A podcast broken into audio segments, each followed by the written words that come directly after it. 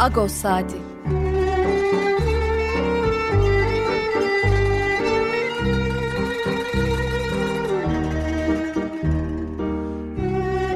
Haftalık Agos gazetesinin penceresinden Türkiye ve Dünya gündemi. Agos'un mutfağından haberler, söyleşiler, olaylar.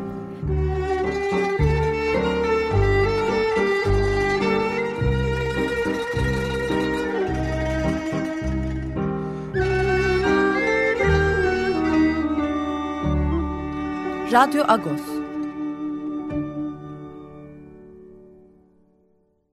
Radyo Agos'tan günaydın. Payluş. Ben Yetver Tanzikyan. Bu hafta size ben yardımcı olacağım. Hangi şarkıyla, hangi ezgiyle başladık? Alaylus bir Gomidas e, ezgisi. Edgar Agopyan'dan dinledik, ünlü müzisyen. Onun icrasıydı. E, 22 Ekim dün yani e, ünlü e, besteci, düzenlemeci, derlemeci Gomidas Sartabed'in yani tüm dünya Ermeniler için büyük bir kıymeti var. Tüm dünya müziği için büyük bir kıymeti var. Gomidas Sartabed'in ölüm yıl dönümüydü. 1935 yılında Paris'te ölmüştü. Ee, onu anarak e, başladık ve program içinde de Gomidas Sartabed'in e, bestelerinden, ezgilerinden e, şarkılar dinleyeceğiz. E, evet bu hafta e, ne var Radyo Agos'ta? Birazdan Pakrates Sukyan'da haftalık olan sohbetimizi yapacağız. İkinci bölümde Antakyalı Ortodokslar e, bir internet sitesi nehna.org e, hazırladılar ve yayına başladılar.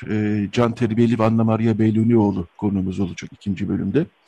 Üçüncü bölümde de e, azınlık basını yeni bir mali sorunla karşı karşıya kaldı.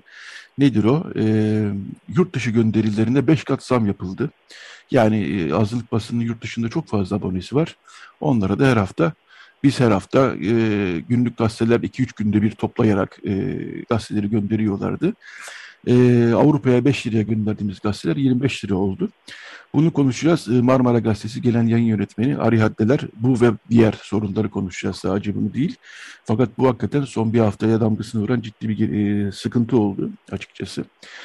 E, Agos'un manşetinde bu hafta ne var? Dadyan Sokağı Bakırköy'de e, Dadyan e, Okulu ve Surpas Vazını Kilisesi'nin bulunduğu sokağın yan sokağının ismin Dadyan Sokağı olsun diye 2008'den beri uğraşılıyor. E, hatta Bakırköy Belediye Meclisi bir karar almıştı. Orayı Dadyan Sokak yapmıştı. Fakat e, önceki hafta İstanbul Büyükşehir Belediye Meclisi'nde e, bu karar e, reddedildi. E, bu var manşetimizde Dadyan bir türlü sokak olamadı dedik.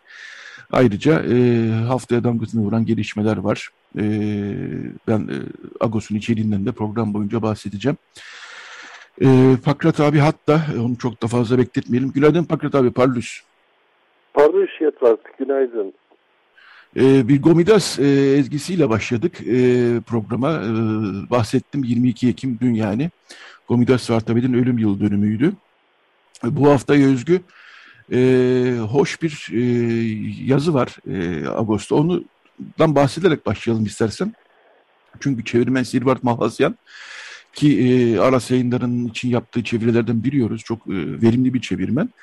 E, Agos için bu hafta e, Arşak Alboyacı'nın e, 1960 yılında, 61 yılında yazdığı e, Kütahya Ermenileri kitabından, Ermenice yazdığı Kütahya Ermenileri için Huşamadyan kitabından e, pasajlar çevirdi e, ve dolayısıyla geleneklerimiz yazı dizisine de bir Kütahya e, bölümü eklemiş olduk. E, biraz eskilerden yazılmış bir bölüm olmakla beraber çok hoş ayrıntılar var gerçekten yazıda. E, yani bir e, Kütahya Ermenilerinin hele hele e, Kütahyalılar bilecektir. Ilıca'ya gitme ritüelleri, Ilıca'daki gelenekleri, orada günler geçirmeleri e, bilhassa hava güzel olduğunda.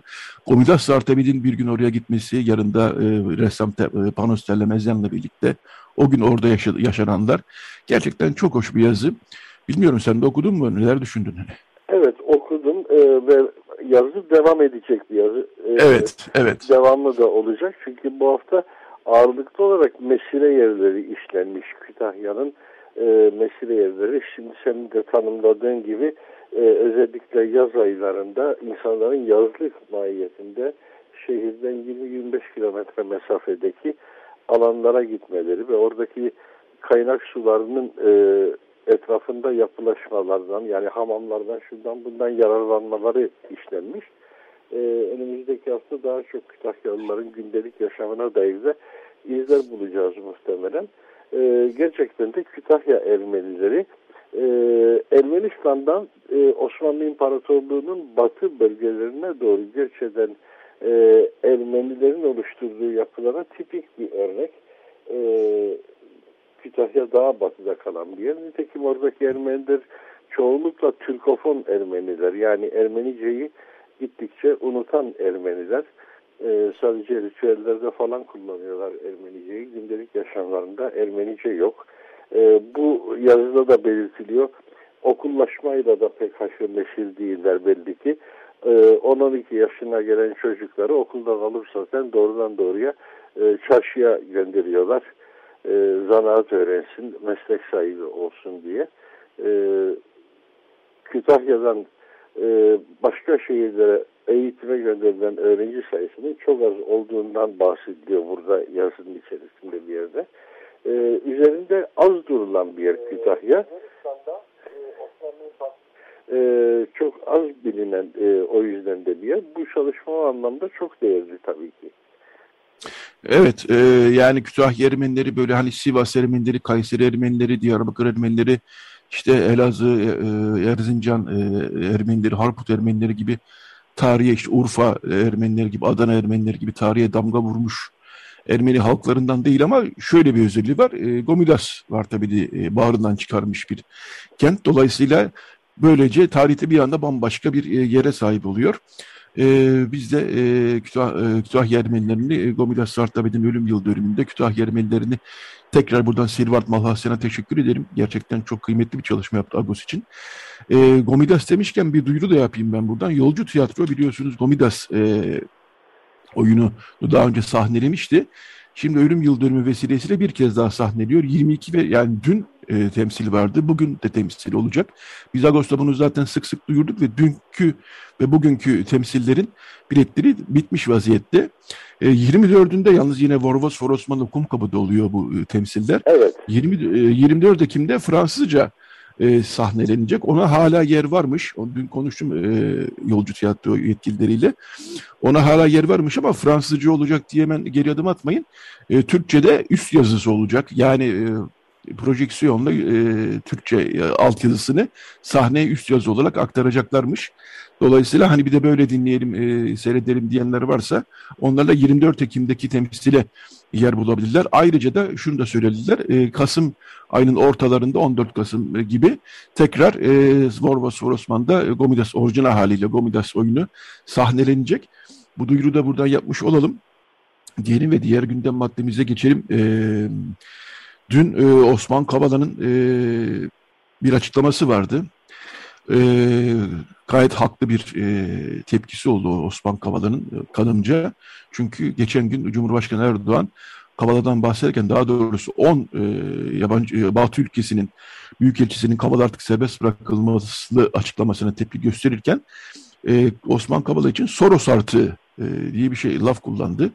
Osman Kavala da e, hem bu açıklamaya tepki gösterdi hem de e, adil yargılanma hakkının tamamen artık kalmadı ki zaten bize göre yok adil yargılanmıyordu.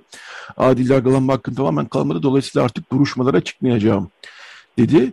E, bu da hakikaten e, duyurulması gereken, not edilmesi gereken bir gelişme. Bu Soros artığı konusu da gerçekten e, e, kılıç artığı vardı. Şimdi bir de buna Soros artığı eklenmiş oldu. Ama Kavala'nın yaşadığı eziyet gerçekten dört yılı buldu aşağı yukarı hapiste tutuklu. Ve tabii burada siyasi otoritenin yargılanan birisi için bu derece sert bir ifade kullanması da gerçekten yargılama ile ilgili ne aşamada olduğumuzu e, gösteriyor. Bilmiyorum sen bir şeyler söyler Ama misin? Ama bu bir ilk değil tabii ki. Yani bu bir üslup, bu üslup benimsendi.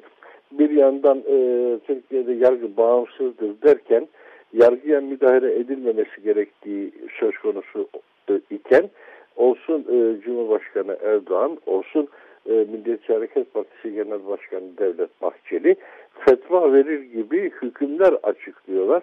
İnsanlara e, etiketler yapıştırıyorlar. E, birisi Soros'un artığı, öbürü terörist. E, bunlar gerçekten de e, medeni bir anlayışla asla bağdaştırılamayacak e, davranışlar ve her şey de çarpıtılıyor. Şu anda Türkiye kamuoyu hakikaten de zannediyor ki e, Avrupa ülkelerinden 10 büyükelçi ve ABD'den e, de, e, ABD elçisi de içinde olmak üzere 10 büyükelçi Türkiye'nin iç işlerine karışıyorlar. Oysa işin aslı böyle değil. Türkiye'nin imzaladığı bir belgeye göre e, uluslararası hukuk, daha doğrusu Avrupa e, Birliği'nin benimsediği hukuk normları Türkiye yasalarının üzerinde ve bu hukuk normlarının verdiği kararı uygulamakla mükellef Türkiye.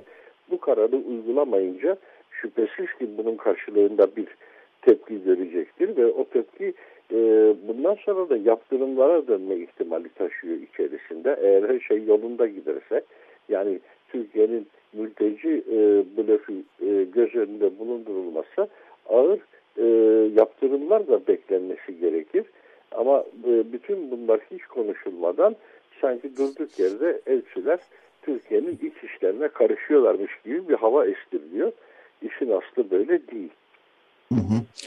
Evet, e, şimdi biz e, üçüncü bölümde yani saat 10'dan itibaren e, Radyo Okusun içerisinde Marmara Gazetesi Genel Yayın Yönetmeni Ari Haddeler'le özür dilerim bu konuyu konuşuyoruz ama birkaç cümlede sen de konuşalım isterim. Çünkü iki haftadır bir e, dert var başımızda. Bütün azınlık gazeteleri için geçerli. Yani bütün gönderiler için geçerli tabii sadece azınlık gazeteleri için değil ama Yurt dışında abonesi olan gazeteler daha çok azınlık gazeteleri. Azınlık diyoruz burada ister istemez kısaca. O da nedir? E, PTT e, yurt dışı gönderilerine 5 kat e, zam yaptı. Dolayısıyla biz de Avrupa'daki ve Amerika'daki abonelerimize 5 e, liraya gönderirken gazetemizi artık 25-30 liraya göndermek zorunda kaldık ve bu bizim için çok büyük bir darbe oldu açıkçası. Ee, ben e, diğer gazetelerle de konuşuyorum. Onlar da ne yapacağız, ne diyeceğiz, çıkamıyoruz biz bu işin içinden diyorlar. E, biz şimdilik bir çözüm bulana kadar iki haftada bir gönderme gibi bir şey. Hiç olmazsa zararı en aza indirme açısından. İki haftada bir gönderme gibi bir yola gittik bu hafta. Yani bu dinleyen abonelerimiz varsa eğer lütfen anlayışla karşılasınlar. Çünkü e, katlanılacak gibi bir şey değil bu. Yani hani 5 liradan 25 liraya çıkması yani bizim gazete biliyorsunuz 7 lira piyasadaki satış fiyatı. E, katlanılacak gibi bir şey değil. E, Ariyattelerle konuştum ben hafta içerisinde. Onlar günlük hastalıkları için tabii 5 lirayken bile katlanılacak bir şey olmadığından 3 günde bir gönderiyorlarmış. Şimdi onlar da ne yapacağız, ne edeceğiz diye kara kara düşünüyorlar. E, yani bu karardan nasıl bir geri dönüş olabilir bilemiyorum ama e, hepimiz için çok büyük bir darbe oldu bu. E, yani şunu söylemek istiyorum. E, hakikaten azınlık gazetelerine yani Rum, Yahudi, e, Ermeni gazetelerin yurt dışında hayli abonesi var. Bu bizim tarihimizden kaynaklanan bir şey. Çok fazla insan yurt dışına çıktı veya çıkmak zorunda kaldı tarih boyunca ve onlar da bir şekilde hem bize destek olmak için hem de Türkiye'de ne olup bittiğini, kendi toplumlarıyla ilgili ne olup bittiğini anlamak için gazetelerimizi basılı gazetede seviyorlar okumayı. Abone oldular. Böyle bir derdimiz var. Senin ekleyeceğin bir şey var mı Fakret abi buna? Evet yani zaman artık bize gitgide internet aboneliğine yönelmenin daha e, mantıklı bir şey olduğunu söylüyor ama senin de belirttiğin gibi insanlar gazeteyi kağıdı elinde tutarak okumak istiyorlar. Bu çok anlaşılır bir şey. Ee, özellikle belli bir yaşın üzerinde olanlar için. Zaten artık Türkiye'de de gazete e, mefhumu öyle bir noktaya geldi ki bir sürü eskiden gazete aldığımız yerde artık gazete satılmıyor. Yani e, kimi noktalar vardı gazete bayisi diyebilirdik. Oradan gazete alırdık. Örneğin Pangaltı'ndaki metro çıkışında e, bir kulübe vardı. Gazete satardı orası. Yıllarca e, kapısının önünde bir sürü gazeteyi teşhir ederdi. İçeride dizi dizi onları yan yana dizer ve her gün gazete satardı. Bugün artık gazete satmıyor adam. O adamın evet. dükkanı gene yerinde duruyor. Gene bir şeyler satıyor. Akbil dolduruyor. Efendim e, cips satıyor onun yerine. Sakız satıyor e, tek kullanımlık çakmaklardan satıyor. ıvır zıvır bir sürü şey satıyor ama gazete satmıyor. E, gazeteler tükendi Türkiye'de. Yani medyanın hükümetin denetimine girmesiyle gazetelerin ne inandırıcılığı kaldı ne cazibesi kaldı ve otobüslerde, e, metroda, vapurda gazete okuyan insana da rastlanmıyor artık. Buna karşılık herkes telefonunda bir şeylere bakıyor. Kimileri oyun oynuyor, kimileri de bir şeyler okuyor telefonundan. E, süreç buraya doğru götürdü bizi. E, batıdaki gazeteler için durum nedir bilmiyorum ama Türkiye'de topyekun zaten basılı gazetenin ömrü tükendi gibi bir görüntü var.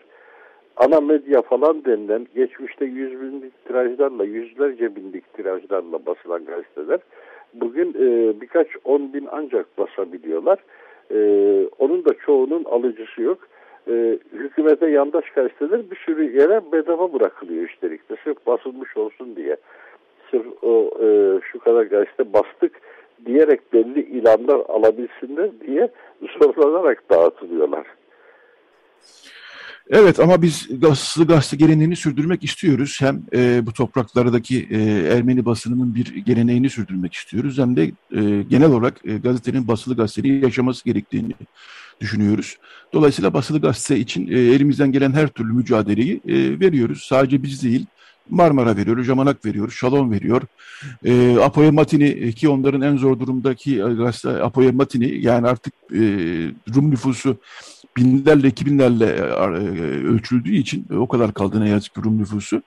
E, Rum nüfusuna yönelik gazete, Rum dilinde yayın yapan e, Apoya Matini ve İHO'da e, hakikaten e, çok e, kısıtlı imkanlarla bu gazeteleri çıkarmaya çalışıyor ama Mihail Vasilyadis gerçekten bu konuda bir e, şövalye gibi e, elinden gelen her şeyi yapıyor.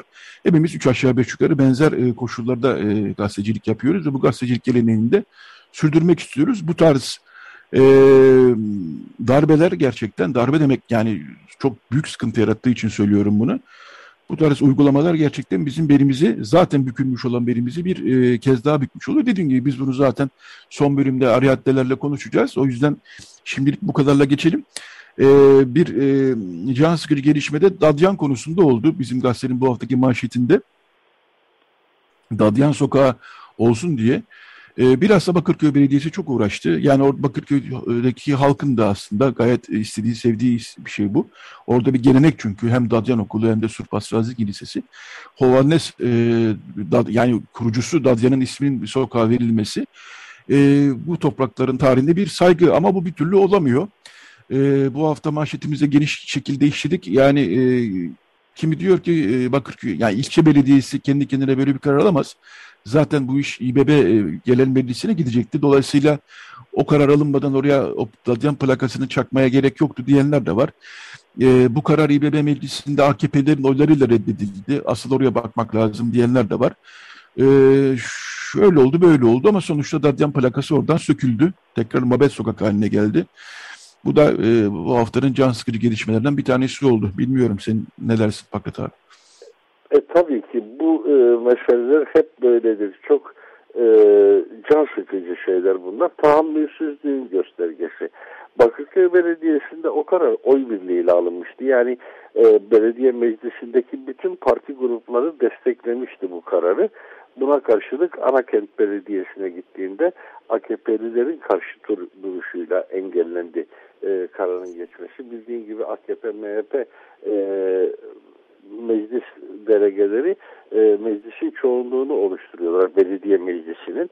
O yüzden Cumhurbaşkanı e, Ekrem İmamoğlu seçildiğinde topal ördek olacak ifadesini kullanmıştı.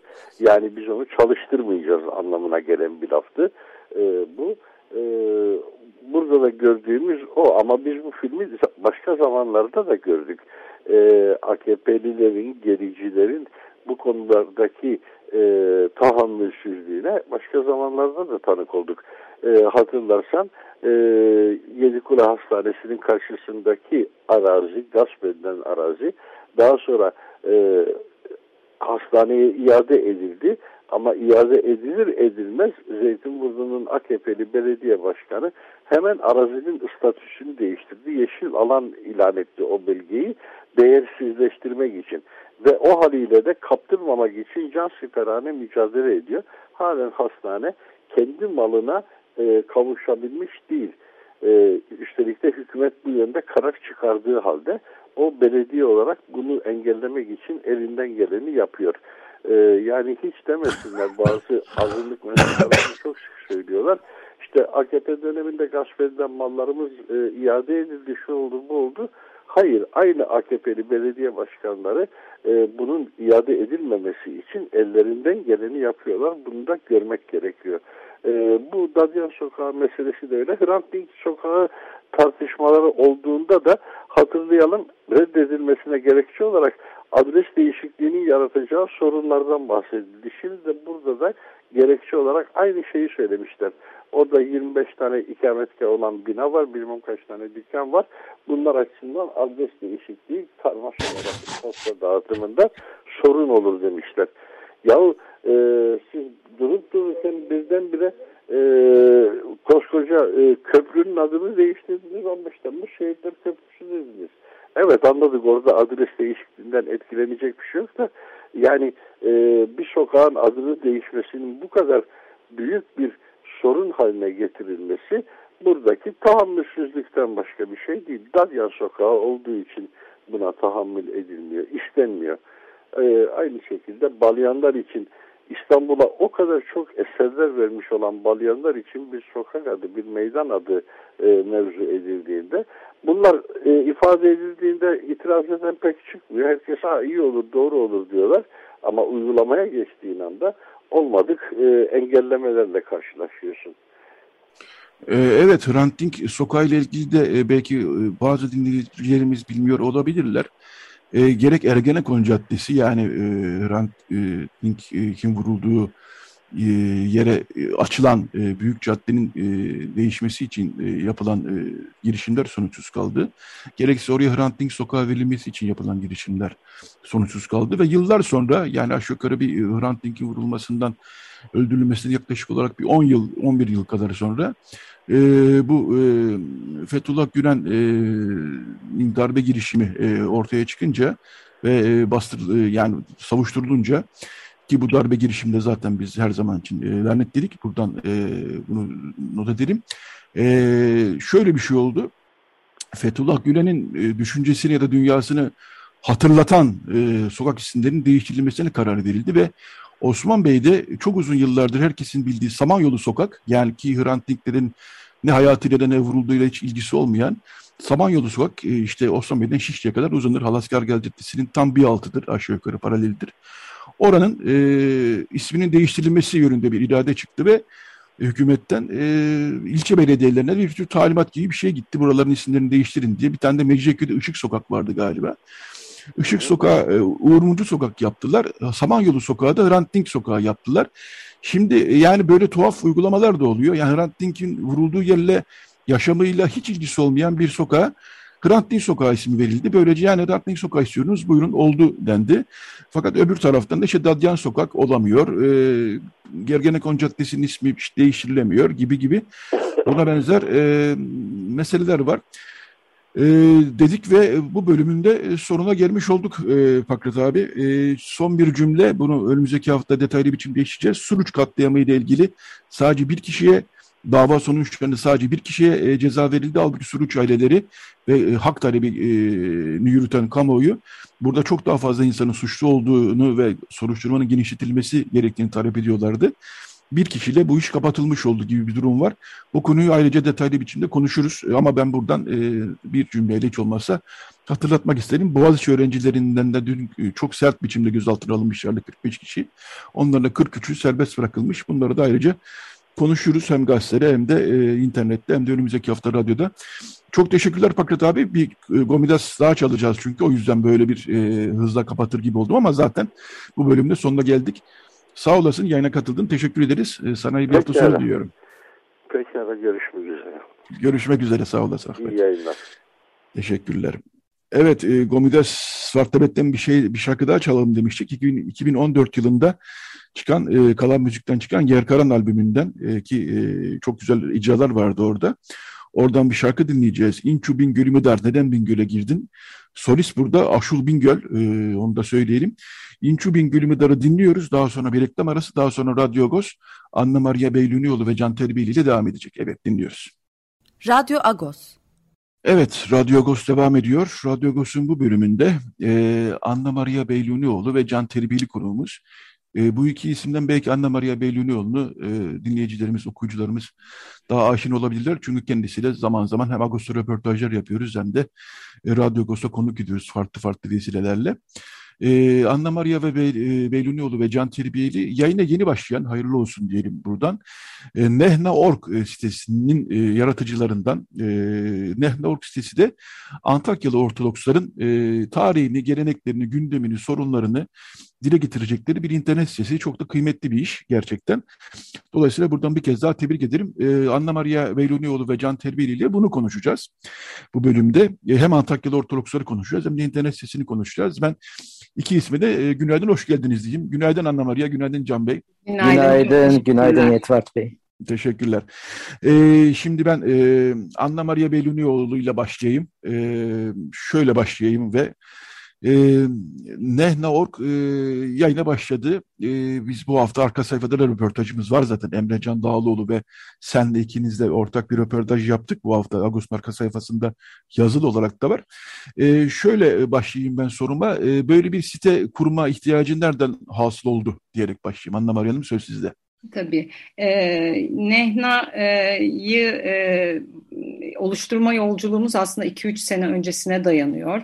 E, yani derdimiz tabii Antakyalı Ortodoksların sesini duyurmak. Çok güç, güçlü kimlik öğelerine sahip bir e, toplumdan bahsediyoruz. Hem tarihsel olarak hem e, kültürel anlamda çok çok güçlü e, kimlik e, öğeleri var. E, çok da bahsedilmiyor. Yani azınlık toplumları içerisinde çok e, yer almıyor. E, biz de biraz çok sesimizi duyurmaya alışmamışız aslında. Biraz çekiniyoruz. Azınlık olma hali Türkiye'de bunun en büyük sebebi. E, tabii hiçbir şey yapılmadı da diyemem Antakyalı Ortodokslarla ilgili. Almanya'da çok değerli oluşumlar var, Zeroka gibi. E, ancak hani e, daha çok din ekseninden bu toplumu anlatma e, çabası olmuş şimdiye kadar. Biz birazcık daha tabii dini de dışlamayarak, din e, çok önemli bir kültürel öğe. E, bununla beraber tarihi ve e, diğer öğeleri yani e, dil öğesi mesela Arapça, ya da yemek e, konusu bizim için çok çok önemlidir. Birçok Antakyalı gibi ama Ortodokslar için de önemlidir. Bu öğelerin e, öğelere dair bir külliyat oluşturma ihtiyacı hissettik çünkü yoktu.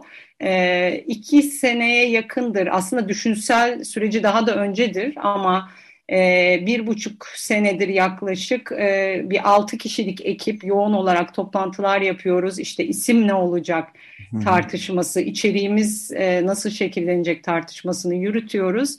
Derken web, web sitemizi kurduk ve 15 Ekim itibariyle yayına başladık. E, Nehna e, Arapça biz demek sanıyorum değil mi? Yanlış mı biliyorum? E, e, evet, Arapçanın Şam lehçesinde e, biz demek. Bu daha çok Antakya, Suriye ve Lübnan'da e, konuşulan bir lehçe. Evet. E, ben Can Bey'e döneyim. E, Can Bey, e, şimdi bize çok sorulur. E, Türkiye'de Ermeni olmak nasıl bir şey? Türkiye'de Ermeni olmak ne demek e, filan diye. Bunlar çok zor sorulardır tabii. Öyle bir birkaç dakikada tarif edemezsiniz. Çünkü yani hem binlerce yıldır burada yaşayan bir toplumdan bahsediyoruz hem de yüzlerce yıldır sorunlarla hemhar olmuş insanlardan bahsediyoruz. Bireysel olarak ya da toplumsal olarak. Ben yine de e, size soracağım Can Bey. Evet. Antakyalı Ortodoks olmak nedir? Yani iş hayatında e, ne oluyor?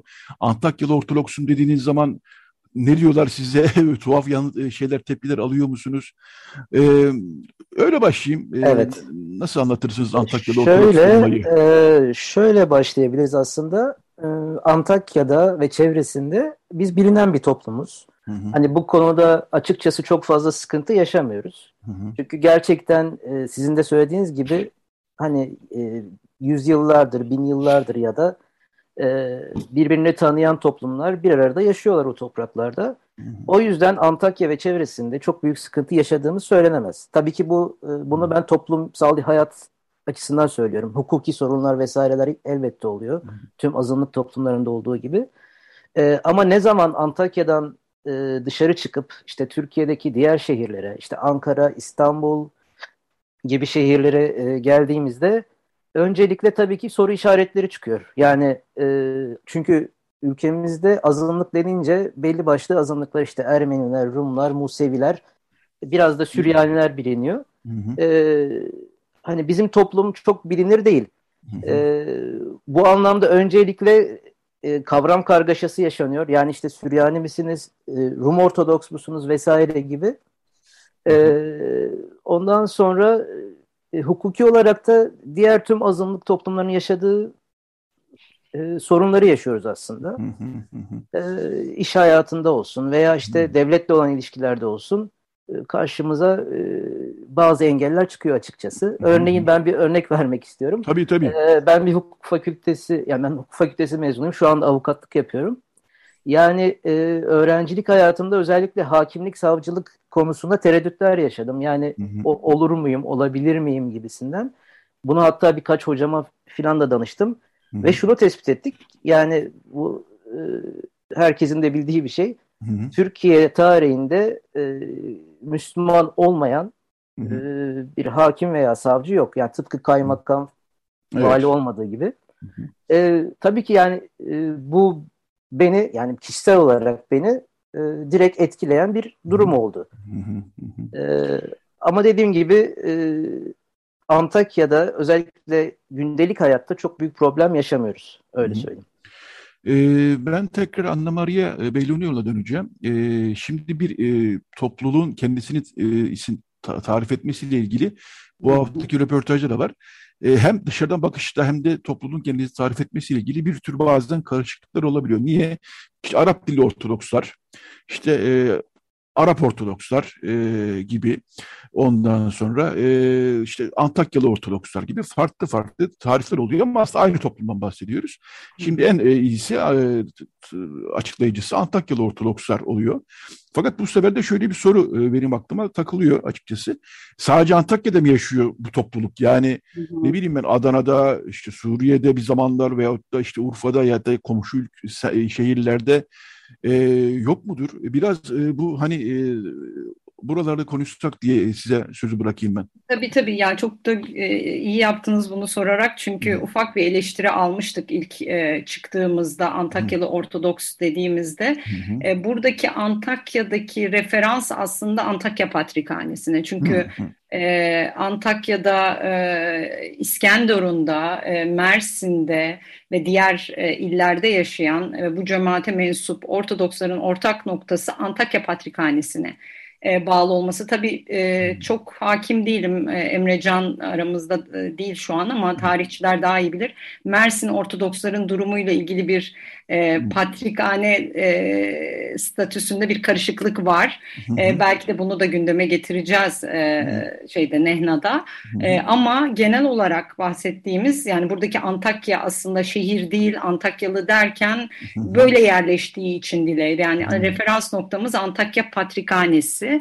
Ama bir isim karışıklığı var. Yani e, çok web sitesinde de manifestomuzu incelerseniz e, Antakyalı Ortodoks, Antakyalı Rum Ortodoks, Arapça konuşan Rum Ortodoks, sadece Rum Ortodoks ya da e, Nasrani, Mesihi gibi isimlerle hı de anılıyoruz. Hı hı. E, ama tabii ki özünde Rum Ortodoksuz. Yani buna dair aslında çok da bir tartışma yok. Yani.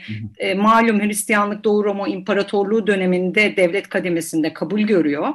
E, ve bu dönemde üst kimlik ve din örtüşmesinin gerçekleştiğini hani görüyoruz. Bunu artık. E, Rum Ortodoksluk böyle daha çok bir dini dini e, referansla algılanıyor etnisiteden. Yani o kadar örtüşmüş durumda. E, ve e, bugün de bu tanım aslında Rum Ortodoks tanımı bölgede e, oldukça kabul görüyor. Hı hı. E, ancak tabii şunu tarihsel bazı süreçler var. Mesela İslam'ın ortaya çıkışı ve o dünyada Arap kültürünün, Arapçanın e, yaygınlaşması ve Roma İmparatorluğu'nun dilinin zaman içinde yani Rumcanın daha doğrusu zaman içinde bölgede Arapçaya e, kendini bırakması. E, ve tabii ki bütün bunlar e, etnik ve kültürel kimlik anlayışını, anlayışın altını çiziyorum. Yani bu e, biz Rum artık Rum değiliz, Arap olduk değil ama bu bir anlayış meselesi, his meselesi, tanımlama meselesi. Bunu dönüşüme uğratıyor. E, yani burada özellikle e, baskın olan Arapçadan dolayı insanların kendilerine işte Arap Ortodoks, Arap dilli Ortodoks, e, Arapça konuşan Rum Ortodoks gibi e, tanımladıklarını görüyoruz. Tabii bu tanımın pekişmesinde e, İstanbul Rumları ile özellikle 20. yüzyılın ortalarında hı hı. İstanbul'da bir karşılaşma oluyor. Neden? Antakya'dan insanlar özellikle iş kaygısı sebebiyle daha sonra 80'lerden sonra özellikle de eğitim nedeniyle İstanbul'a geliyorlar. Çünkü bir merkez zaten İstanbul. Ama İstanbul Rumlarının yani aslında aynı dine mensuplar, Rum Ortodoks dinine mensuplar ama İstanbul Rumlarının zaman içinde gelişen Rum tanımının içine sığamaz e, halde oluyorlar. Yani on, oradan dışlanıyorlar. Nedir bu? Siz de bilirsiniz İstanbul Rumları için e, iki önemli öğedir. Mekan ve dil. E, kendilerini İstanbullu olarak tanımlarlar. Yani Konstantinopol onlar için e, çok değerlidir. Ve dil, Rumcayı e, yaşatmak için de bugün diğer cemaatlerle karşılaştır, karşılaştırdığımızda çok da e, şeyler, ısrarcılar, E, haklı olarak çok da güzel yapıyorlar. E, ancak tabii bu cemaat Arapça e, daha harmanlaştığı için yıllarca, e, 100 yıl belki 200 yıl boyunca bölgede e, kültürü, dili, yemeği, her tür pratiği e, tabii bu ne kadar Arap'tır onu sorgulayabiliriz. Çünkü Araplık da Rumluk gibi e, inşa edilmiş zaman içerisinde. Yani böyle e, çok derin e, insanlığın e, ilk zamanlarına giden bir geçmişi yok. Evet. E, e, bu arada şunu da itiraf e, yani söylemek isterim buradan okuduğum kaynaklar da onu e, söylüyor. Araplığın inşasında da bölgedeki Hristiyanların çok etkin olduğunu görüyoruz. Hı hı. Yani hem dilin hem de e, bu, e, bu milli bir e, kurum olarak Araplığın e, inşasında Arap e, yani oradaki Hristiyanların dolayısıyla bu Rum Ortodoksların aslında e, önemli bir e, katkısı var.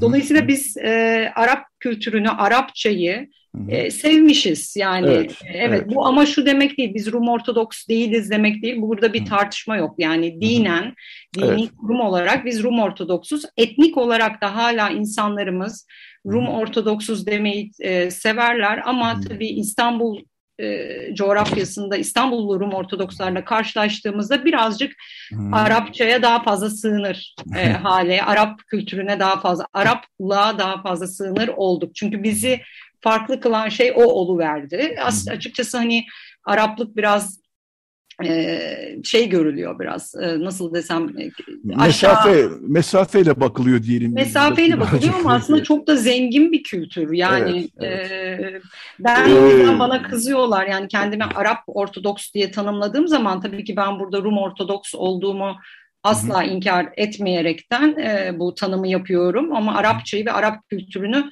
e, sevdiğimi e, ve bunu benimsediğimi e, mesajını ver, e, veriyorum açıkçası. Hı hı. Ama şunu da söyleyeyim, Nehna'nın ekibinde kendini çok farklı şekillerde tanımlayan insanlar var. Hı hı. E, Arap Arap e, daha çok kabul gören Arap dilli Rum Ortodoksu e, kelimesi cemaatte de evet Hı-hı. Arapça konuşuyoruz ama biz Rum Ortodoksuz e, e, düşüncesi. E, ama işte bu e, isim karmaşasında bazen kaybolabiliyoruz kendimiz evet. de yani dışarıdan Doğru tanımlamalarda da ama kendi içimizde de e, tartışmalar oluyor. Biz Arap tamam. değiliz, biz Rumuz gibi. Anladım. E, ben Can Bey'e döneyim. E, Can Bey, e, ş, e, bu Arap dili tabii çok zengin e, bir dil aynı zamanda. E, Türkiye'de milliyetçi kesim bir Arap Arapçayı aşağılar e, ne yazık ki ama e, gerek alfabesiyle gerek diliyle e, çok zengin bir dilden bahsediyoruz. E, işin gerçeği bu. E, siz ailenizde mesela e, Arapça konuşuyor musunuz? Siz Arapça öğrenebildiniz mi? Bu tabii şu, şuraya şuraya geleceğim e, aslında. Yani dilinizi öğrenebilmek adına e, yani bütün azınlıkların bu konuda sorunları var ama işte Ermeniler, Rumlar gene biraz daha şanslılar Lozan e, nedeniyle e, ama bu tür azınlıkların e, kendi dillerinde yaşatabilmeleri için bir tür tabii şey lazım. Kurumsallaşma lazım. Ya Arapça evet. öğrenebiliyor mu Arap dilli Ortodoks ailelerin çocukları konuşabiliyor musunuz? E, nasıldır durum? E, yani çok güzel bir konuya değindiniz Yetvart Bey. Şöyle söyleyeyim, e, ailelerin geneli e, Arapça konuşur, bilir. Hı. Tabii ki e, özellikle bizim jenerasyona kadar e, günlük hayatta da Arapça konuşulmuş.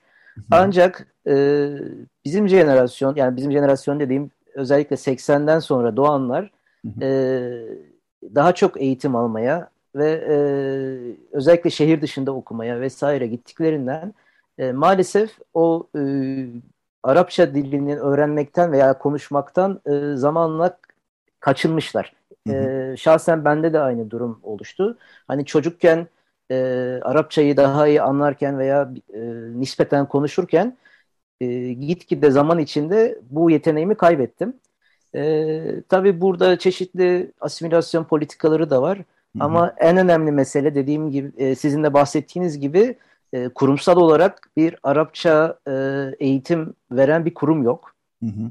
E, bu konuda çeşitli hukuki engeller çıkıyor karşımıza. Hı hı. E, işte e, hep karşımıza şu çıkıyor. 1939'da e, Hatay e, hı hı. Türkiye Cumhuriyeti'ne katılıyor. E, Lozan 1923'te imzalanmış. Lozan'daki haklar bizim toplum için geçerli mi değil mi? E, bunlar çok e, derin hukuki meseleler, derin hukuki tartışmalar ve zaten bu tartışmalarda özellikle e, devletin bakış açısı hepimizin malumu. Yani. E, hakları e, kendiliğinden veren bir e, karşımızda devlet yok biliyorsunuz. Evet. E, toplumda da açıkçası e, zaman içinde böyle bir ihtiyaç olduğuna dair fikir de yok olmuş durumda. Yani hmm. yok olmuş demeyeyim ama gayet azalmış. E, biz de e, Nehna ile birlikte özellikle bunu biraz canlandırmak istiyoruz. Yani hmm. e, bizim kültürümüzü oluşturan en önemli öğelerden biri olan dili hmm. e, yaşatmaya e, çalışmak istiyoruz. Hı. E, bu konuda tabii ki en önemli şey e, kurumsallık. Hı hı. E, ve evet. Nehna ile biz bu e, cemaatten cemiyete geçişi sağlamaya çalışıyoruz. Öyle söyleyeyim. Evet, ee, önemli bir şey bu. Ee, ben e, dinleme şansına da eriştim. Ee, bir Arapça bir ayini, Arap dilli bir ayini daha doğrusu Antakya'ya gittiğimde e, sevgili Fadi e, bizi ağırlamıştı. E, vakıflarla bile beraber gitmiştik. E, tüm e, azınlık vakıflarıyla beraber gitmiştik. Sevgili Fadi Hurigil de bizi ağırlamıştı. Orada ve e, bir e, aynede tanık olduk. Çok da hakikaten e, kulağa melodik gelen bir ayinden bahsetmek mümkün. E, Anna Maria Bellionio'na döneceğim tekrar. Ben aslında şeyi soracaktım ama siz o konuyu anlatmış oldunuz. Yani İstanbul Rum Ortodoks toplumuyla aranızdaki bir mesafe e, var mı diyecektim. Siz olduğunu zaten söylediniz. Bu çok yabancısı olduğumuz bir konu değil. E, son yıllarda Ermeni toplumu için söylüyorum. Kapansa da büyük oranda.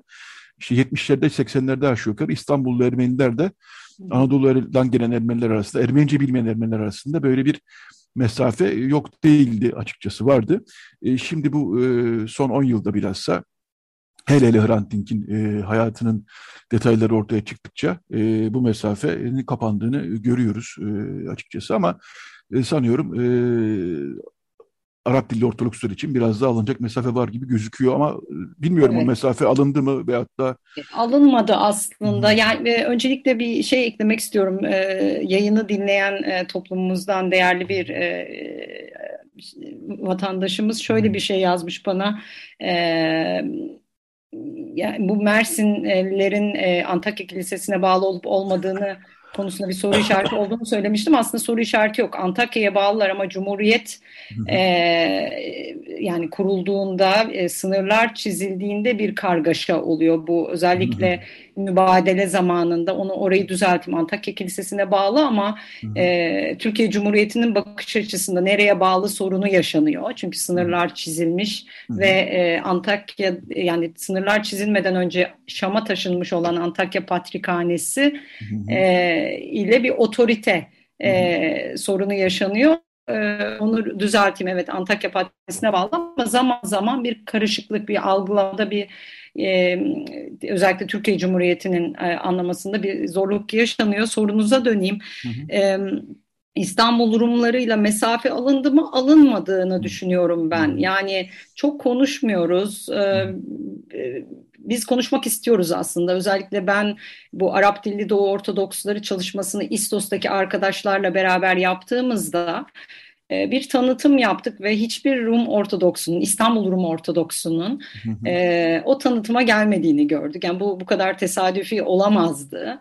E, aslında bizim bunu e, gündeme getirmemiz, e, Antakyalıların var olduğunu, biz buradayız e, ifadesi e, bir, bir bölmek ya da e, ne bileyim e, yani zarar verici bir eleştiri yapmak değil onu söyleyeyim çünkü azınlık toplumları olarak zaten çok az kaldık. Amacımız yani siz şöylesiniz siz böylesiniz gibi böyle birbirimizi yıkıcı bir tartışmaya girmek değil ama belli bir sorun e, yani ortada bir sorun var. Ee, yani ben İstanbul'daki Rum kiliselerine gittiğimde kendime ait hissedemiyorum. Bakışlardan rahatsız oluyorum. Haliyle e, o insanların da beni kabullenmesi çok zor çünkü sosyal hayatlarında beni görmüyorlar. Hı hı. E, yokuz e, ve uzak kalmışız. E, bu barışmayı nasıl sağlayabiliriz? Hele hele az kaldığımız e, bir e, Türkiye coğrafyasında sayımız çok çok az kaldı. E, bir de tabii malumunuz İstanbul Rumları da sayıları çok çok azalıyor. Bir sayı sorunu var. Şimdi İstanbul Rumları, Rum toplumu ne kadar diye sorduğunuzda 2000 rakamı zikrediliyor. Hı hı. E, ama e, Antakyalı Ortodokslar onlar da Rum Ortodoks e, hani bu tanımın içinde varlar mı yoklar mı? Hı hı. E, dolayısıyla bence biraz daha böyle sakin kalıp ya durun bir dakika biz kaç kişiyiz bundan kork, korkmamak yani bu tanımlamalardan korkmamak gerekiyor. Hı hı. E, biz de böyle bu çıkışı yaparken böyle İstanbul Rumlarına karşı bir şey e, yapma niyetiyle çıkmadık. Dediğim gibi yani bizi tanımlamak bence ileriye bakmamız için E, hep çok önemli. Yani Arap Dili Rum Ortodoksları kitabını yazdığımızda da okuyan insanlardan şöyle bir tepki aldık. Siz Arap diyorsunuz bize e, ya da İstanbul Rumları da e, tepki gösterdi dediğim gibi niye böyle bir kitap çıktı diye. Bu tepkiyi sözlü olarak göstermediler. Dediğim gibi etkinliklerimize hiç e, katılmayarak gösterdiler aslında. Hı hı. E, ama e, buradaki amaç şu, biz insanlara mikrofonu tuttuk ve kendinizi özellikle orada benim ve Özgür Kaymağ'ın, sevgili Özgür Kaymağ'ı da analım burada, onunla hı hı. E, yazdığımız makalede sosyolojik bir makaleydi. Siz kendinizi nasıl tanımlıyorsunuz? Çünkü hı. kimlik e, değişken, akışkan, e, herkesin e, kendini ayrı bir tanımlama şekli var. Dolayısıyla sübjektif bir kavram.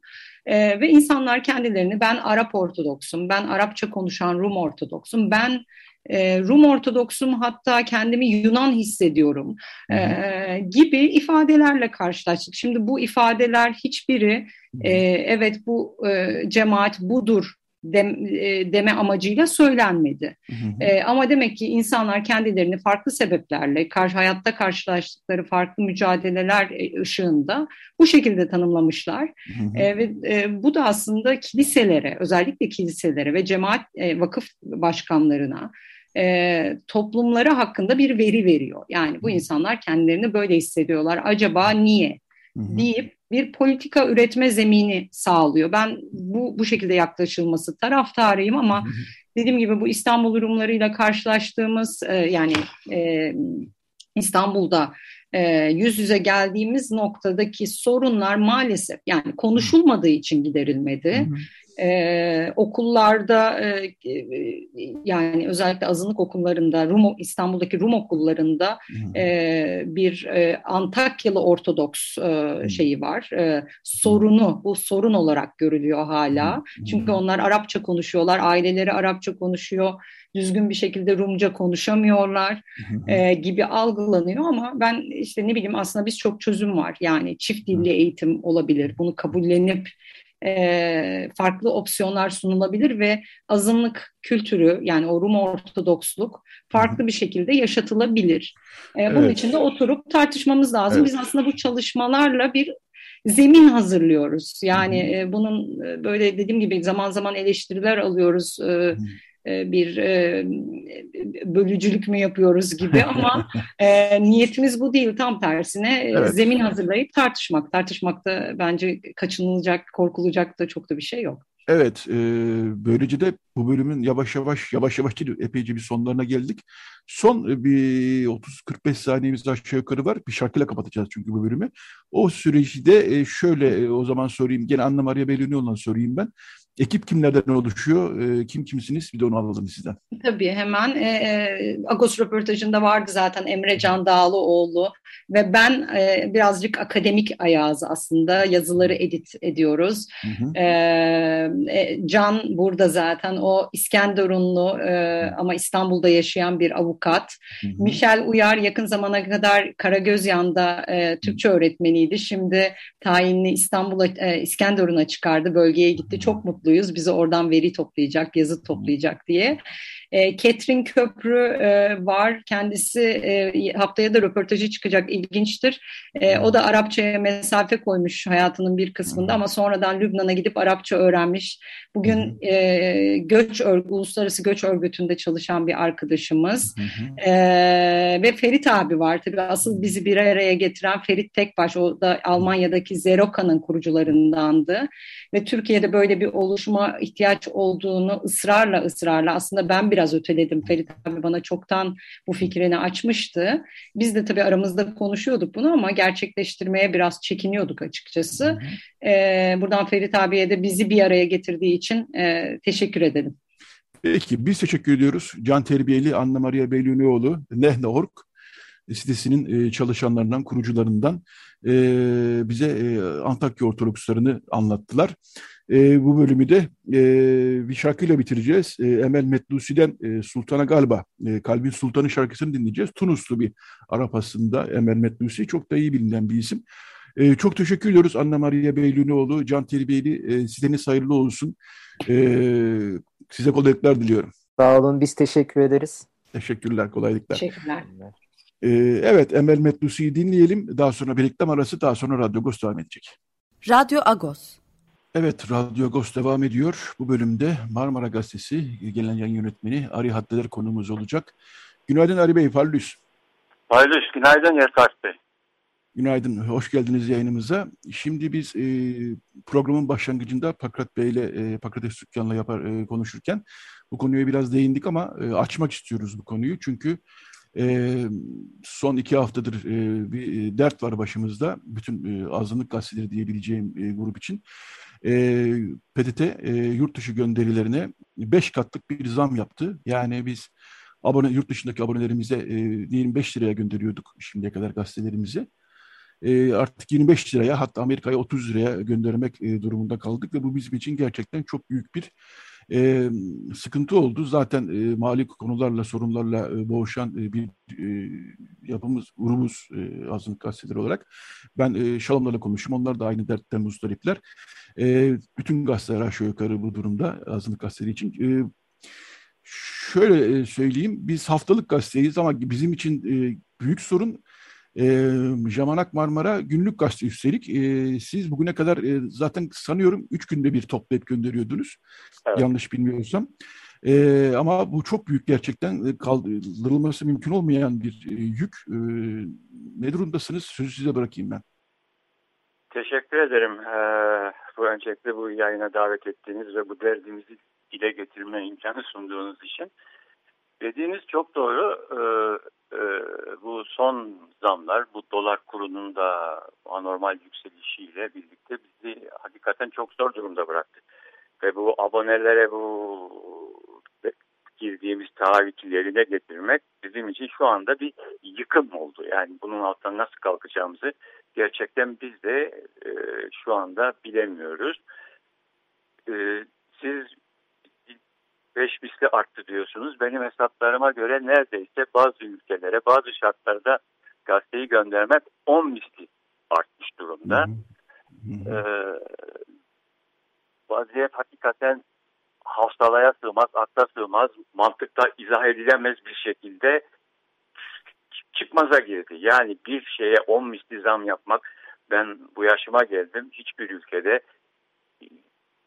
böyle bir şey duymadım bir şey zam yaparsın yüzde on yaparsın yüzde yirmi yaparsın hadi yüzde otuz yaparsın on misli beş misli sekiz misli zam işitilmiş duyulmuş bir şey değil bunu nasıl yapıyorlar hangi akla hizmettir bilemiyorum ama eh, akıl erdiremiyorum. Şimdi sizin de dediğiniz gibi biz günlük gazete olarak e, haftada iki kere aslında bizim iki türlü aboneliğimiz var. Bir adi posta yani yüzeysel olarak gönderdiğimiz abonelerimiz var. Bir de uçakla gönderdiğimiz abone tipimiz var. Uçak bile gönderdiğimiz abone tipi 6 kere yayınlanıyoruz haftada. Üçerden 2 kere postaya veriyoruz. Üçerli paketler halinde gönderiyoruz. Adi postada ise 6 tanesini bir kereden haftada bir kere yolluyoruz ve uçakla değil bu postanede yüzey posta dedikleri sistemle gönderiyoruz. O tabii hem daha ucuz oluyor daha ekonomik oluyor hem e, bizim açımızdan hem e, abone açısından. Hı hı. E, şimdi şurada notlarıma bakmam lazım fiyatları e, tam söyleyebilmek için. Evet, Avrupa'daki tüm ülkelere bizim şimdiye kadarki uçak posta masrafımız 7 lira 27 kuruşmuş. Yani iki hafta öncesine kadar uçakla haftada bir kere, haftada iki kere 7 lira 27 kuruştan üçer tane gazete gönderiyordu. Şu anda ki durum Almanya'ya 3 adet gazete 73 liraya gidiyor. 10 katı. 7 lira 27 kuruştan 73 liraya. Daha bu sabah baktım ben bu şeylere. Postanın, PTT'nin e, sitesinden. 73 liraya gidiyor uçakla. 3 tanesi 75 gram gazete. 6 adet gazete ise adi postayla göndermeye kalkarsak Almanya'ya yine Avrupa'nın en ucuzu 114 liraya gidiyor. Müthiş, inanılmaz. Yani gerçekten çok çekici. Korkunç bir şey. Yani biz şimdi bu abonemizden almışız işte atıyorum 250 lira 300 lira senelik bir abonman parası. Bir haftalık uçak gönderme şey uçakta gönderme ücreti 3 tane gazetenin 110 lira. Ve 300 lira almışım bir sene için 110 liraya haftada 3 tane gazete göndereceğim. Bu, bu, bu nasıl izah edilebilir? Ben bunu kendi aboneme nasıl izah ederim? Ben bunu okuyucuma nasıl izah ederim? Kendime izah edemiyorum, anlatamıyorum. Okuyucuma nasıl anlatacağım bilemiyorum. Tabii hı. eminim bunu bütün gazetelerde yaşıyordur ama azınlık gazetesi olarak bizim e, bizim için siz de çok iyi bilirsiniz. Durum farklı. Bizim abonelerimiz hepsi e, büyük çoğunluğu yurt dışındadır. Bunların hemen hepsi İstanbul kökenlidir. İstanbul'dan çeşitli nedenlerle ayrılmıştır. Ayrılmak zorunda kalmıştır.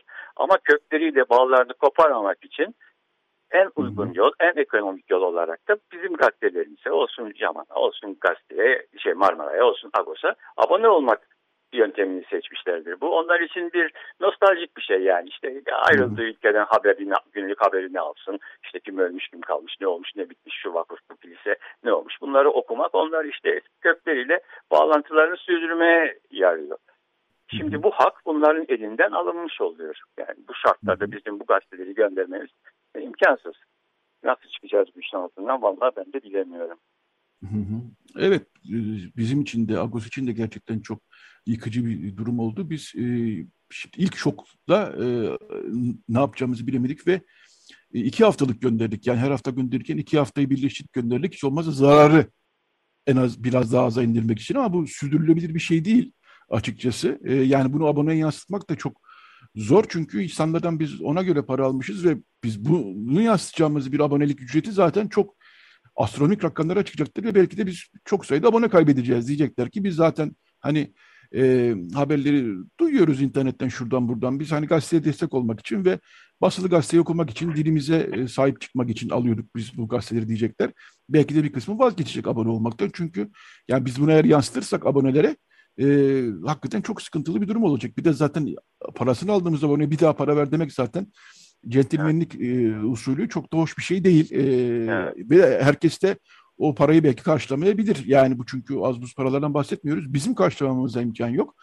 Ee, hakikaten bir çıkmaza girmiş durumdayız. Bilmiyorum yani bunu söylerken tabii şunu herkese bu özel olarak bize yapılmış bir zam değil. Yani herkese yapılmış bir zam ama e, azınlık gazeteleri için ayrı bir e, sıkıntı yaratıyor. Çünkü siz de bahsettiniz. Evet. E, yani Jamanak'ın, Marmara'nın, Apoya Matini'nin, e, efendime söyleyeyim, Şalom'un e, yurt dışındaki aboneleri buranın insanları, bu toprakların insanları ve siz de çok güzel tarif ettiniz. Burasıyla bağlarının kopmaması için, basılı gazetelerini görmek için bu e, şeye kat, yani geç gelmesine katlanıyorlar. Bazen işte postlara takılıyor, bazen bir hafta sonra gidiyor, bazen beş gün sonra gidiyor. Ee, zaten siz üç günde bir gönderiyorsunuz, biz haftada bir gönderiyoruz. Haberler e, ama e, belki biraz şeyin tazeliğini kaybetmiş oluyor ama bu önemli değil onlar için, bizim için de değil. O bağı kurmak, o bağı yaşatmak bizim için önemli. Ee, basılı gazete, basılı gazete geleneğini yaşatmak bizim için önemli. Dolayısıyla burada PTT ile bilmiyorum bir herhalde temas mı kurmak lazım tekrar? E, yani bir şey yapmak lazım. Çünkü bu hakikaten çok yıkıcı bir e, yani dinleyenler belki abartıyorsunuz diyecekler ama gerçekten abartmıyoruz. Yıkıcı bir e, mali tabloyla karşı karşıya kalmış vaziyetteyiz. E, ve evet, bizim için de evet. hakikaten bir gelir kaynağı yurt dışındaki abonelerimiz için gerçeği de bu. E, ben buradan e, devam edeyim istiyorsanız. E, dinleyicilerimizin bir kısmı e, Marmara'yı biliyordur, bir kısmı da belki bilmiyordur. E, kaç yıldır Marmara yayın yapıyor? Günlük yayın yapıyorsunuz. Kaç sayfalık bir gazete çıkıyor? Sadece Ermenice dilinde yayın yapıyorsunuz. Onu ben biliyorum. Dinleyicilerimiz bilmiyor olabilir. Biraz da Marmara'yı tanıtalım isterseniz. Ta, tabii teşekkür ederim. Ee, Marmara bu sene 81. yılını, yıl dönemini kutladı. Ağustos ayında. Şu anda 82. yılımızın içindeyiz. Ee, dört sayfalık bir gazeteyiz. Tamam Ermenicedir. Bazen çok e, tek tük e, Türkçe ilan olarak yazı çıkar ya da bir bildiri bir şey olur önemli devlet tarafından gelen ya baklıklarımız tarafından o bildiriyi e, Türkçe yayınlamayı tercih ettiğimiz durumlar olabilir. Fakat diyebilirim ki yani genel anlamda %100 Ermenice yayın yapan bir gazeteyiz. Gerçi 2000 ile 2010 yılı arasında 10 yıl süreyle haftada bir kere bir Türkçe ek çıkarıp çıkarmıştık Cuma günleri. O da 4 sayfaydı. Ee, bir haftalık Ermenice gazetenin e, kısaltılmış olarak haberlerini özet şeklinde veriyorduk. Ermenice bilmeyen veya Türkçe okumayı hmm. tercih eden okurlarımıza bir hizmet olsun diye. Yani bir ay ücret onu her cuma günü veriyorduk. Fakat 10 sene sonra artık e, yani bir maddi açıdan bize yük olmaya başladı. Üstelik de pek bir geri dönüşte olmadığını gördük. Onun üstüne 2010 yılında onu durdurduk.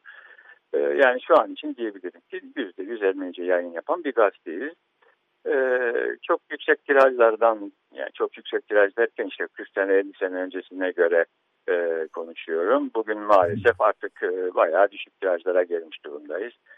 Ne yazık ki bizim cemaatimiz Ermenice dilinde Ermenice olarak okumayı, konuşmayı tercih etmeyen bir cemaat haline dönüştü. E, gençlerimiz e, bırakın e, yazmayı bir kenara okumayı dahi beceremiyor veya sevmiyor veya istemiyor. O yüzden gençlere hitap edebilen bir gazete maalesef olamıyoruz. Bizim okurlarımızın büyük çoğunluğu e, yaş almış insanlardan, cemaatimizin yaş almış üyelerinden oluşuyor. Onlar çok şükür e, sadakatle gazetemizi okumaya devam ediyorlar. Biz de onlar için elimizden geldiği kadar ayakta durmaya, gazetemizi onlara ulaştırmaya çalışıyoruz. Ee, evet. Gazetemizde politik haberler, işte sosyal haberler, dilimizle, edebiyatımızla ilgili makaleler e, düzenli olarak yayınlanıyor. Gazetemizin tabii en e, önemli kalemi yani e, ağır tüfek diyeyim baş evet. yazarımız e, Robert Hatlican'dır.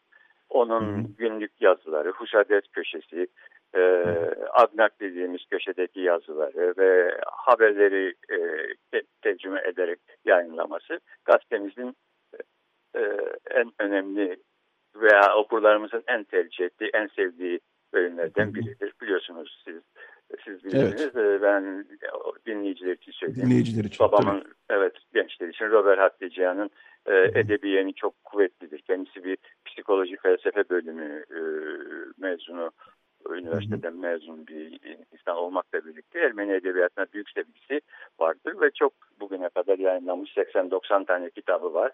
Bir o kadar da şu anda benim elimdeki bilgisayarın içinde hazır basılmayı bekleyen kitabı var. Bunlardan birisi de e, büyük ödül almış bir romandı ki e, geçenlerde ikinci baskısı e, araç yayınları tarafından sağ olsunlar e, Türkçe te, tercümesi e, yeniden gözden geçirilerek bir kez daha yayınlandı. Ee, evet. Yani işte böyle dediğim gibi. Böyle evet. E, Jamanak gazetesi ve Marmara gazetesi. Jamanak daha da eski hatta. Günlük evet, gazeteler, Ermenice yayın yapan gazeteler. Evet.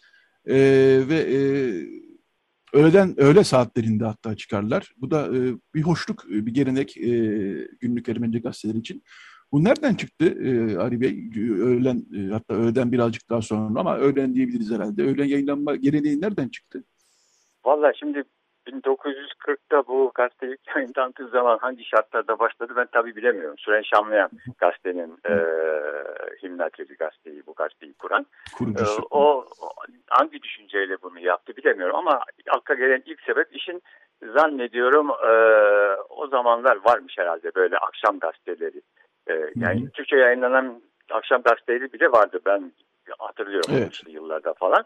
O zannediyorum o, o günkü sabahki taze haberi akşam evine e, o, gelen insanlar taze taze yetiştirmek gibi bir zihniyet olabilir. Ayrıca belki biraz da bu işin kolaylığı açısından. Yani şimdi sabah gazeteyi basmak demek gece oturup çalışmak demek. Ee, evet. Öğleden sonra basmaksa işte sabah işine gelip hazırlayıp basıp göndermek. Biraz tabii kolaylık biraz da belki o zamanların zihniyetiyle tercih meselesi olarak bu şekilde olmuş. İlk başta zaten haftada 7 gün yayınlanıyordu bu gazete. Pazarları da yayınlanıyordu. Fakat hı hı. bundan zannediyorum bir 20-25 sene önce müşterek bir anlaşmayla bütün gazeteler pazar günü yayını kestik, durdurduk. Haftada bir gün tatil verdik kendimize. Şimdi haftada 6 evet. gün yayınlanıyoruz. Evet, e, bu postadan kaynaklanan e, mali sıkıntıları konuştuk ama genel bir mali sıkıntıda bilhassa pandemi döneminde hepimizi vurdu. E, son 2-3 dakikada da e, şunu konuşalım. Bir de doların yükselmesiyle bir kağıt zammı da bizi bekliyor galiba değil mi? Bir de yeni bir evet, dert daha evet. E, geliyor gibi gözüküyor.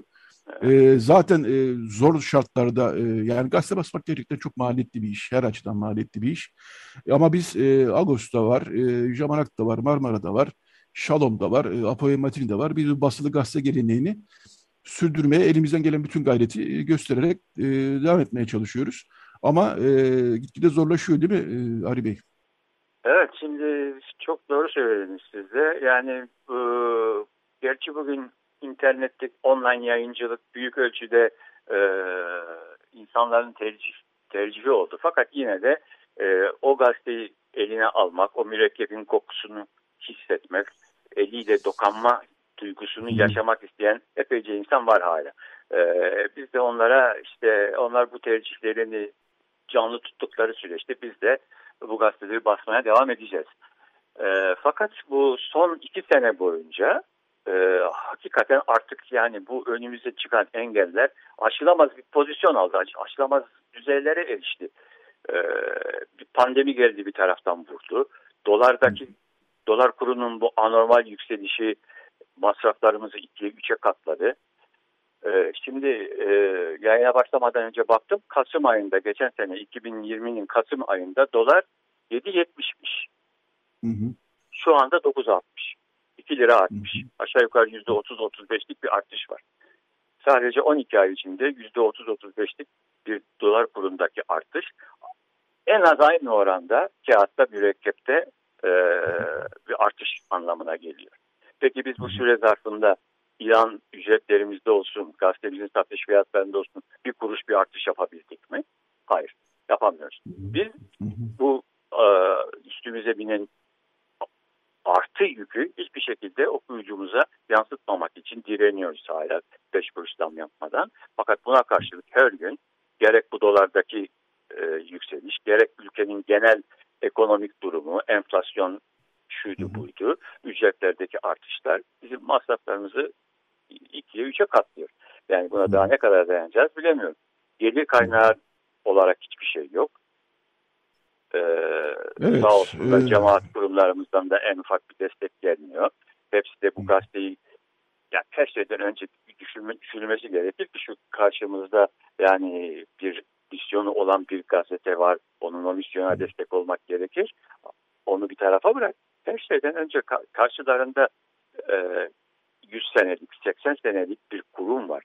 Bu kadar eski olmak dahi o kuruma bir ilgi göstermek, o kuruma bir destek olmak için yeterli bir nedendir. Ama biz bunu bizim yöneticilerimize, büyüklerimize veya işte sorumlularımıza maalesef anlatamıyoruz. E, derdimize derman da bulamıyoruz. Ve böyle çalışıyoruz. Evet, sorunları ciddi. Bunları konuşacağız. İnşallah bir araya girip de konuşacağız. Hatta böyle bir toplantı önümüzdeki hafta olacak. Çok teşekkürler Ari Haddeler, e, Marmara Gazetesi e, Genel Yayın Yönetmeni Ari Haddeler konuğumuzdu. Çok teşekkürler yayına katıldığınız için. Size Ben e, teşekkür e, ederim.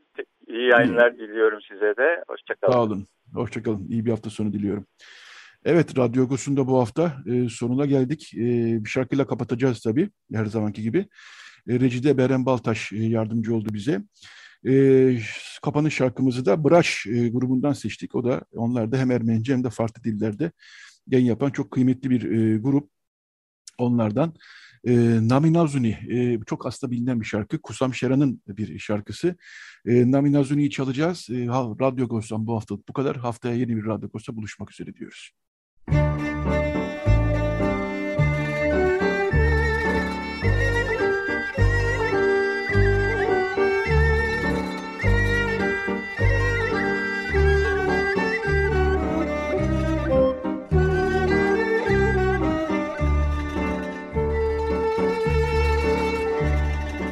Agos Saati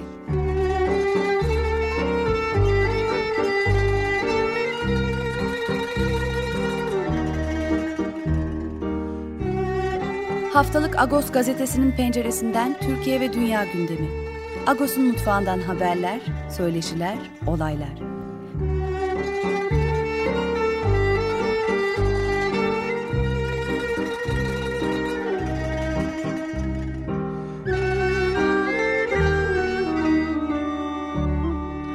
Radyo Agos